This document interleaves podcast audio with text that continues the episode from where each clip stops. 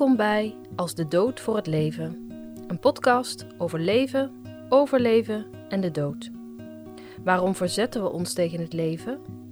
Niet de dood is onze grootste angst, maar om te leven en uiting te geven aan wie en wat we werkelijk zijn. Wat als we, waar we zo bang voor zijn, durven aan te kijken en omarmen? Hoe zou het leven er dan uitzien?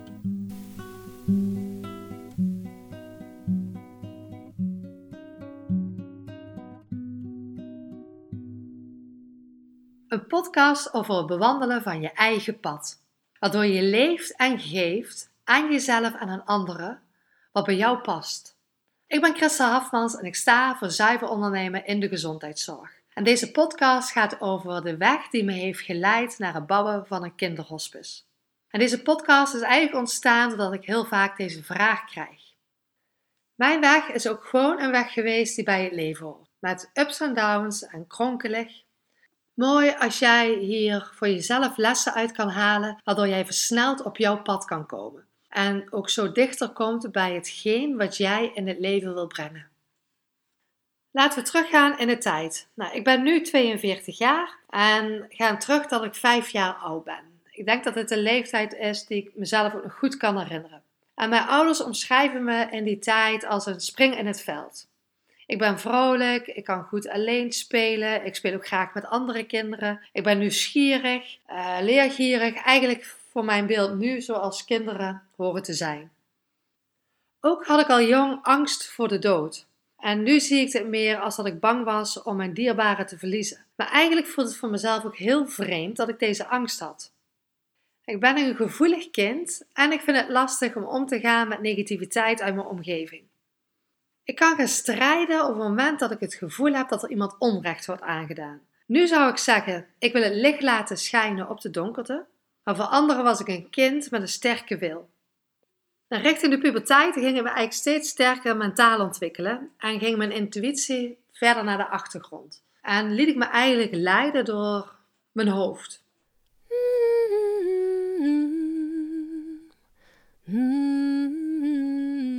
We maken een sprong in de tijd. Ik ben uh, nu 20 jaar oud en die wereld die ligt aan mijn voeten. Ik bruis van de energie, ik ben sterk mentaal ontwikkeld. Ik, uh, onbewust sluit ik me meer af voor mijn gevoel. Op dat moment woon ik in Arnhem en heb ik de opleiding SPD Bedrijfsadministratie afgerond. En ga ik als zelfstandige ondernemer veel interimklussen doen. Nou, ik vind het echt heerlijk omdat ik bij bedrijven in de keuken mag gaan kijken. En dat ik heel breed werkervaring op mag gaan doen. En het mooiste wat ik eigenlijk ook vind is dat met het geld wat ik verdien, dat ik heel veel kan gaan reizen. Nou, eigenlijk lijkt alles mogelijk voor me. En ook voel ik diep van binnen dat het financieel-economische werk voor mij niet betekenisvol is. Maar wat wil ik dan wel voor werk doen? En dat is het begin dat mijn bewustzijnsweg begint. Ik beëindig een relatie na vier jaar en ga samen met een vriendin backpacken in Australië. Ik geniet hier echt van. Ik voel me vrij en ook voel ik een sluimerende onrust. Nou, uit verveling eh, koop ik vervolgens een boek over het leven van de Aboriginals en ga ik lezen over deze oeroude stam en hun rituelen. En eigenlijk hou ik helemaal nog niet van lezen, maar het geeft me wel rust. En dit is een keerpunt in mijn leven. Ik ga weer meer luisteren naar mijn intuïtie. En ondanks dat gevoel van haast neem ik steeds meer van die rustmomenten en word ik ook dol op lezen en rituelen. Ik besluit om weer gaan te studeren.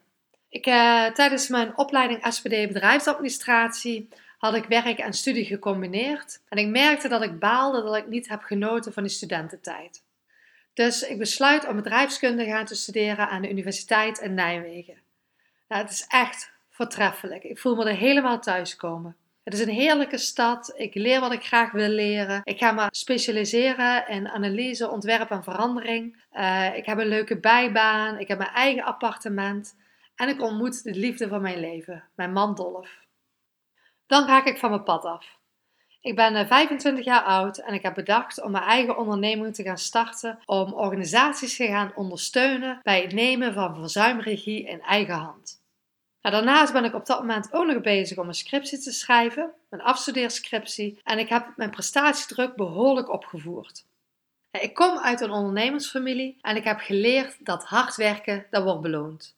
Mijn vader en ook mijn broer, die hebben mooie dingen gebouwd en onbewust sla ik deze weg in. En hoogstwaarschijnlijk doe ik dat omdat ik loyaal voel naar mijn familie. En net voor de afronding van mijn scriptie ben ik negen weken lang af en aan ziek. Ik heb hoge koorts en buikklachten en door niet de rust te nemen die mijn lijf vraagt, krijg ik chronische darmklachten. Ik leer met die darmklachten om te gaan en ik ga gewoon weer door op de manier zoals ik gewend ben.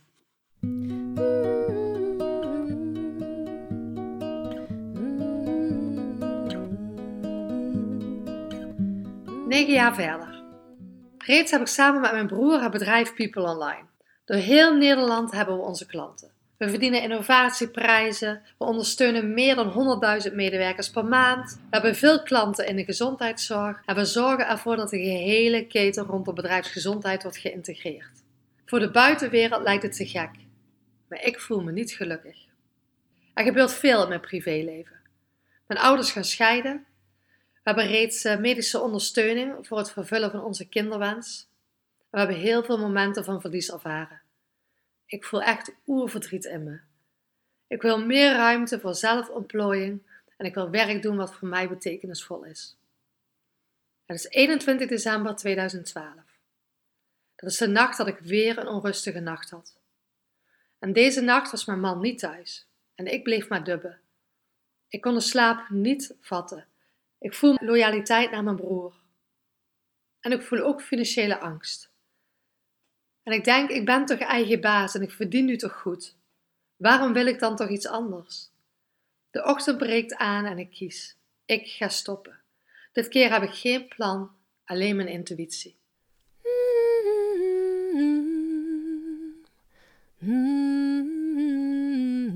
Twee maanden later heb ik mijn deel van mijn bedrijf verkocht aan mijn broer. En al mijn werk is overgedragen. Ik voel me echt trots omdat de hele organisatie zo transparant is, waardoor ik eenvoudig mijn werk kan overdragen en dat ik dit kan toevertrouwen aan anderen. Maar ik voel me ook vreemd om te zien dat ik zo snel gemist kan worden. Eerst volgt een periode van reizen voor me. En dat ik flink last heb van de spanningen die ik zowel fysiek als mentaal heb opgebouwd. Ook ga ik samen met mijn man Dolf onderzoeken van hoe willen we ons leven invulling geven als we geen papa en mama worden. Daarnaast voel ik ook de twijfels van wat ga ik doen? Ga ik nou werken in loondienst of blijf ik zelfstandig ondernemen? Dat is een periode van rouwverwerking. Ik ga me steeds meer verdiepen in de levenskracht en wat spiritualiteit voor mij betekent. En door het uitblijven van de kinderwens en ook de miskramen voel ik dat er steeds meer is tussen hemel en aarde. En ik voel dat ik toch graag wil zijn voor kinderen. Ik geloof en ik voel, ook ik ben een mama. Ik ben een moeder, ook als ik zelf geen kinderen kan krijgen. Ik ben nog steeds aan het rouwen en mijn eigen emoties zijn zo heftig, waardoor ik het niet aandurf om te gaan bijdragen aan de zorg voor kinderen die ziek zijn.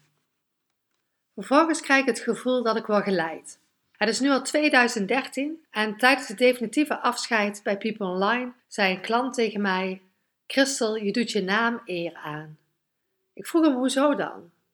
Zei hij: Je bent kristalhelder en je ziet altijd oplossingen. De ochtend daarna werd ik wakker met een beeld van hoe water onze ziel zuivert. En dat ik hier organisaties graag mee wil gaan helpen. Een organisatie die oprecht en transparant is en die hun creativiteit kan inzetten om de wereld een stukje mooier te maken. En zo is het bedrijf Zuiver Ondernemen geboren. Zuiver Ondernemen krijgt ook als logo een waterkristal, dat voor mij symbool staat voor heelheid. Een week later komt het eerste werk vanzelf naar me toe. Een relatie die benadert mij en vraagt of ik hem wil gaan helpen bij het herinrichten van zijn organisatie, zodat er binnen zijn bedrijf ruimte komt voor natuurlijk leiderschap. Nou, ik faciliteer creatieve ontwikkelsessies om zowel klanten als toeleveranciers bij vernieuwingsprocessen te gaan betrekken. Ik voel me dankbaar dat ik nu het werk doe dat me fascineert en waar ik mijn opleidingen en werkervaringen in kan gaan gebruiken.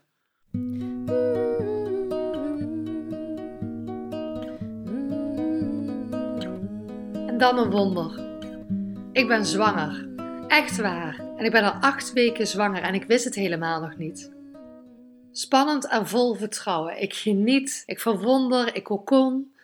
Wat zijn wij gezegend? De zwangerschap loopt heel voorspoedig. Ik voel me fit. Ik kan werken, ik kan sporten tot aan de uitgerekende datum. En ik heb helemaal geen last meer van mijn darmklachten. En precies op de uitgerekende dag wordt onze zoon Tom geboren. En mijn huidige werk vanuit zuiver ondernemen dat is super te combineren met de zorg voor Tom. Ik eh, kies ervoor om drie dagen in de week flexibel te gaan werken. Het is een hele onwendige keuze voor me, maar het maakt me ook heel blij dat ik hiervoor kan kiezen.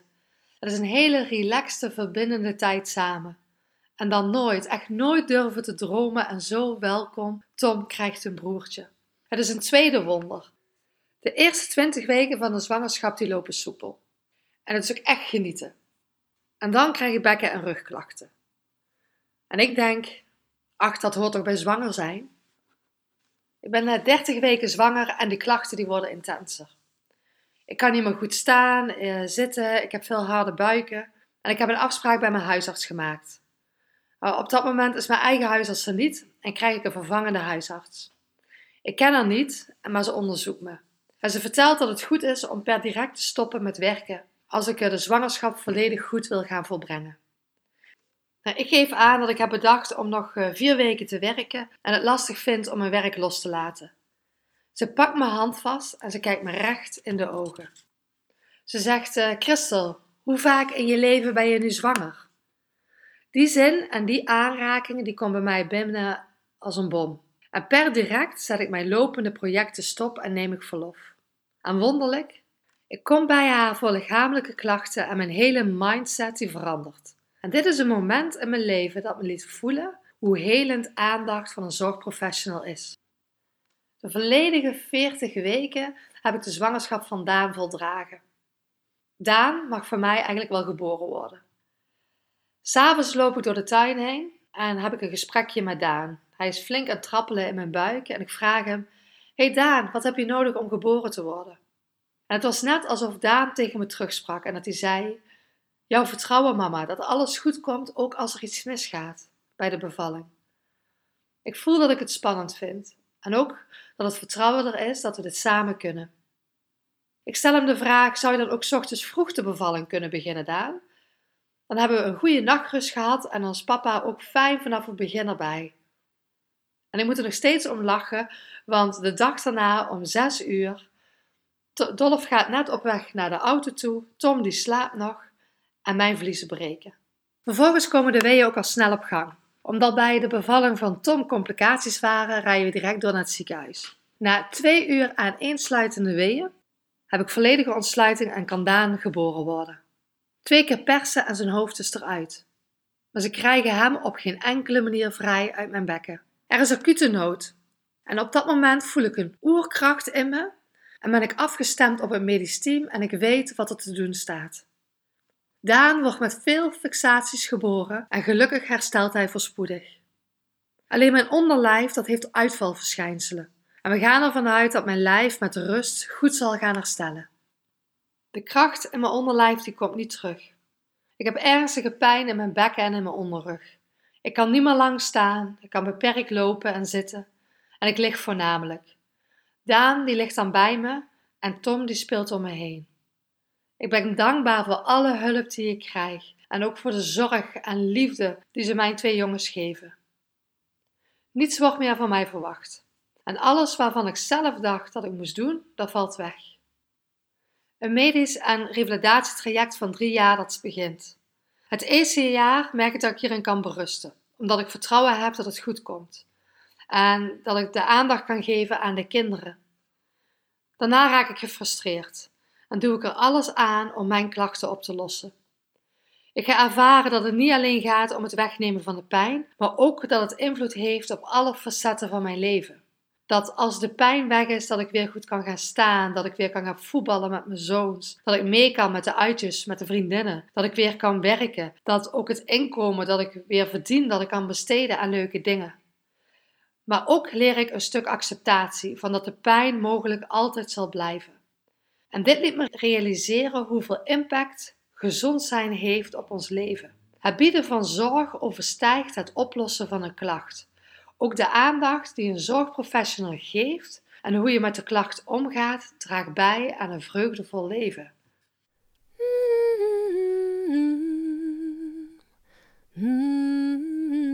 Dan komt het moment dat de shit van mijn verleden de mest wordt voor mijn toekomst. We lopen een medisch traject en ik zie verschillende specialisten. En ik baal ervan dat ik iedere keer minimaal acht weken moet wachten voordat ik bij de volgende specialist terecht kan. En iedere keer vertel ik mijn verhaal.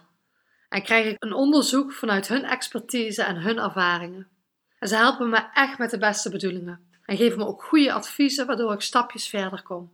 Maar ook krijg ik adviezen die tegenstrijdig zijn met de adviezen die ik eerder kreeg van andere specialisten. En ik voel me onzeker en ik ben bang dat ik nooit meer van deze klachten afkom. En ondanks die angsten voel ik dat het me lukt om dit omgaan te zetten in een kracht. Zo ga ik ondanks deze tegenslagen vreugde ervaren in kleine verbindende dingen om mij heen. Ik ga ook steeds helderder kiezen wat is goed voor mij. En tijdens de medische behandelingen ontstaan er oprechte gesprekken met zorgprofessionals en delen ze ook hun kwetsbare kant en hun struggelingen waar ze in hun huidige systeem van de gezondheidszorg tegenaan lopen. En dit zet mij aan om mijn ondernemersvaardigheden en mijn ervaringen op ketenintegratie volledig gaan in te zetten voor de gezondheidszorg. Een zuiver ondernemer gaat zich daardoor volledig richten op de gezondheidszorg en het gaat dan over samenwerken voor helende zorg. En in die tijd leer ik steeds beter te luisteren naar de signalen van mijn lijf. En druppelgewijs begin ik mijn werk weer op te pakken. En zo komt ook het idee op voor het opzetten van een Centrum voor Integrale Geneeskunde. We sturen een enquête de deur uit naar integrale artsen door heel Nederland en 36 artsen reageren dat ze het interessant vinden om hieraan bij te dragen. Daarom gaan we een creatieve sessie organiseren en om de voelbare hiërarchie die tussen artsen, alternatieve artsen, de therapeuten, de verzorgenden is, te kunnen doorbreken, worden alle zorgprofessionals uitgenodigd van wie ze zijn en op welke manier, unieke manier zij bijdragen aan de welzijn van mensen. In die creatieve sessie staan we stil bij alle windrichtingen die we nodig hebben om integrale zorg te kunnen bieden. Eigenlijk is het symbolisch, maar het bracht iets heel duidelijk aan het licht. Nou, het ging om de noordenwind om vooruitstrevend te zijn en door te gaan als het lastig wordt. Uh, de oostenwind staat symbool voor bewustzijnsontwikkeling en spiritualiteit. En de zuiderwind voor passie en vuur. En de westenwind om dingen concreet en praktisch te maken. En deze windrichtingen die lagen allemaal op de vloer en in het midden waren ze verbonden met een rood stoffen hart. En iedereen die aanwezig was, die vroeg ik, wil je jouw plek eens innemen bij de windrichting waar je vandaan komt en vervolgens waar je graag naartoe zou willen gaan. Eén persoon die stond tussen de zuider- en de westenwind in en de rest stond allemaal bij de concrete westenwind. En ik voelde zo duidelijk dat iedereen, toen we stilstonden bij waar wil je naartoe, dat ze graag op het rode hart wilde staan. Maar ik schrok er ook van, omdat het me liet realiseren van hoe kunnen we nu, als iedereen zo vanuit de blauwdruk komt, een centrum voor integrale geneeskunde bouwen en vernieuwen in de gezondheidszorg. Nou, die creatieve sessie voor het bouwen van het centrum heeft me dus veel inzichten gegeven. Het gaf me het inzicht dat ik niet meer wilde vechten in de huidige gezondheidszorg om iets te kunnen veranderen. Maar dat ik juist samen met zorgprofessionals mogelijkheden voor helende zorg lastig helder wil maken.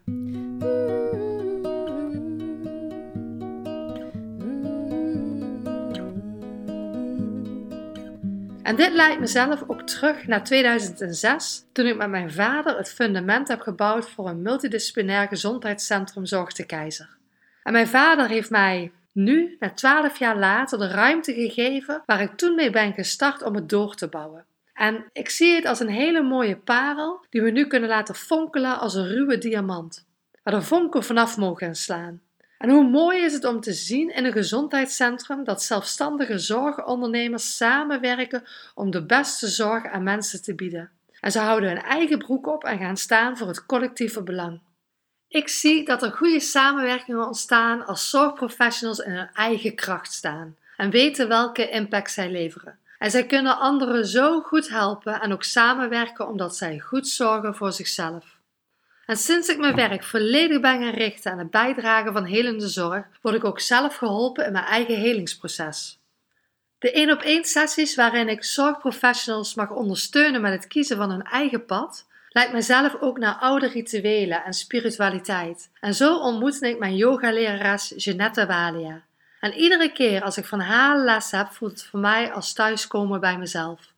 De wijsheden en de rituelen die ze deelt, de oprechte boeiende gesprekken over haar kijk op holistische zorg, met haar expertise als Ayurvedische arts en homeopathische arts. Het voelt alsof ik weer op reis ben in Azië en ook mijn eigen spirituele reis naar binnen maak. Ik ervaar hoe krachtig de verbinding tussen lichaam, geest en ziel is en hoe ik mezelf aan het hele ben. Eerder voelde spiritualiteit vaag voor me en nu staat spiritualiteit voor mij voor levensenergie die door me heen stroomt en te voelen of ik nog steeds op het goede pad zit.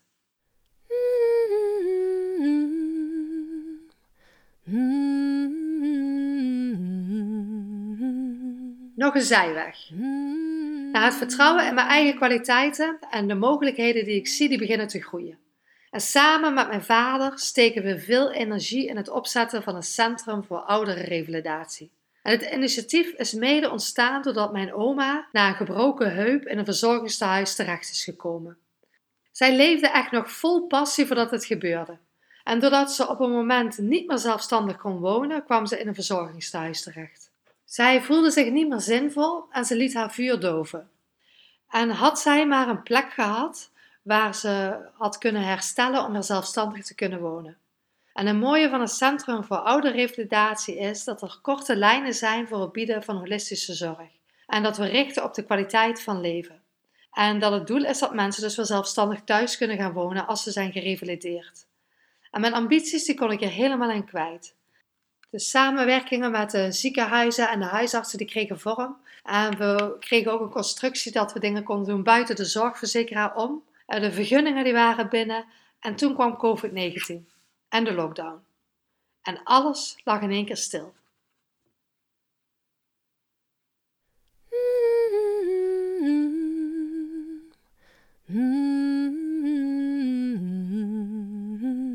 Het is nu 2020. En ik weet het nog, ik zit samen met mijn vader met een kop thee en een lekker stuk chocola, waar we beide heel erg van houden. Te brainstormen over wat we graag willen met het Centrum van Ouderrevalidatie als de lockdown voorbij is. En ik spreek uit, ik voel de positieve energie niet. Ik word er moe van dat we continu worden teruggetrokken naar het huidige beleid van ons zorgsysteem. En dat het uiteindelijk allemaal draait om geld. Daarnaast merk ik nog dat oudere mensen het lastig vinden om de regie te nemen over hun eigen gezondheid, om die in hun eigen hand te nemen. En de revalidatie die kan voor mijn beeld alleen een succes worden als zij volledig de verantwoordelijkheid voor hun lichaam en geest nemen. En daar is ons huidige gezondheidszorgsysteem, wat zij er erg gewend zijn, niet op gericht. En mijn vader vraagt dan: Christel, wat wil jij dan graag? En ik vertel: ik zou het liefste willen zijn voor de kinderen. Kinderen die ziek zijn en ook heel veel levenswijsheid hebben.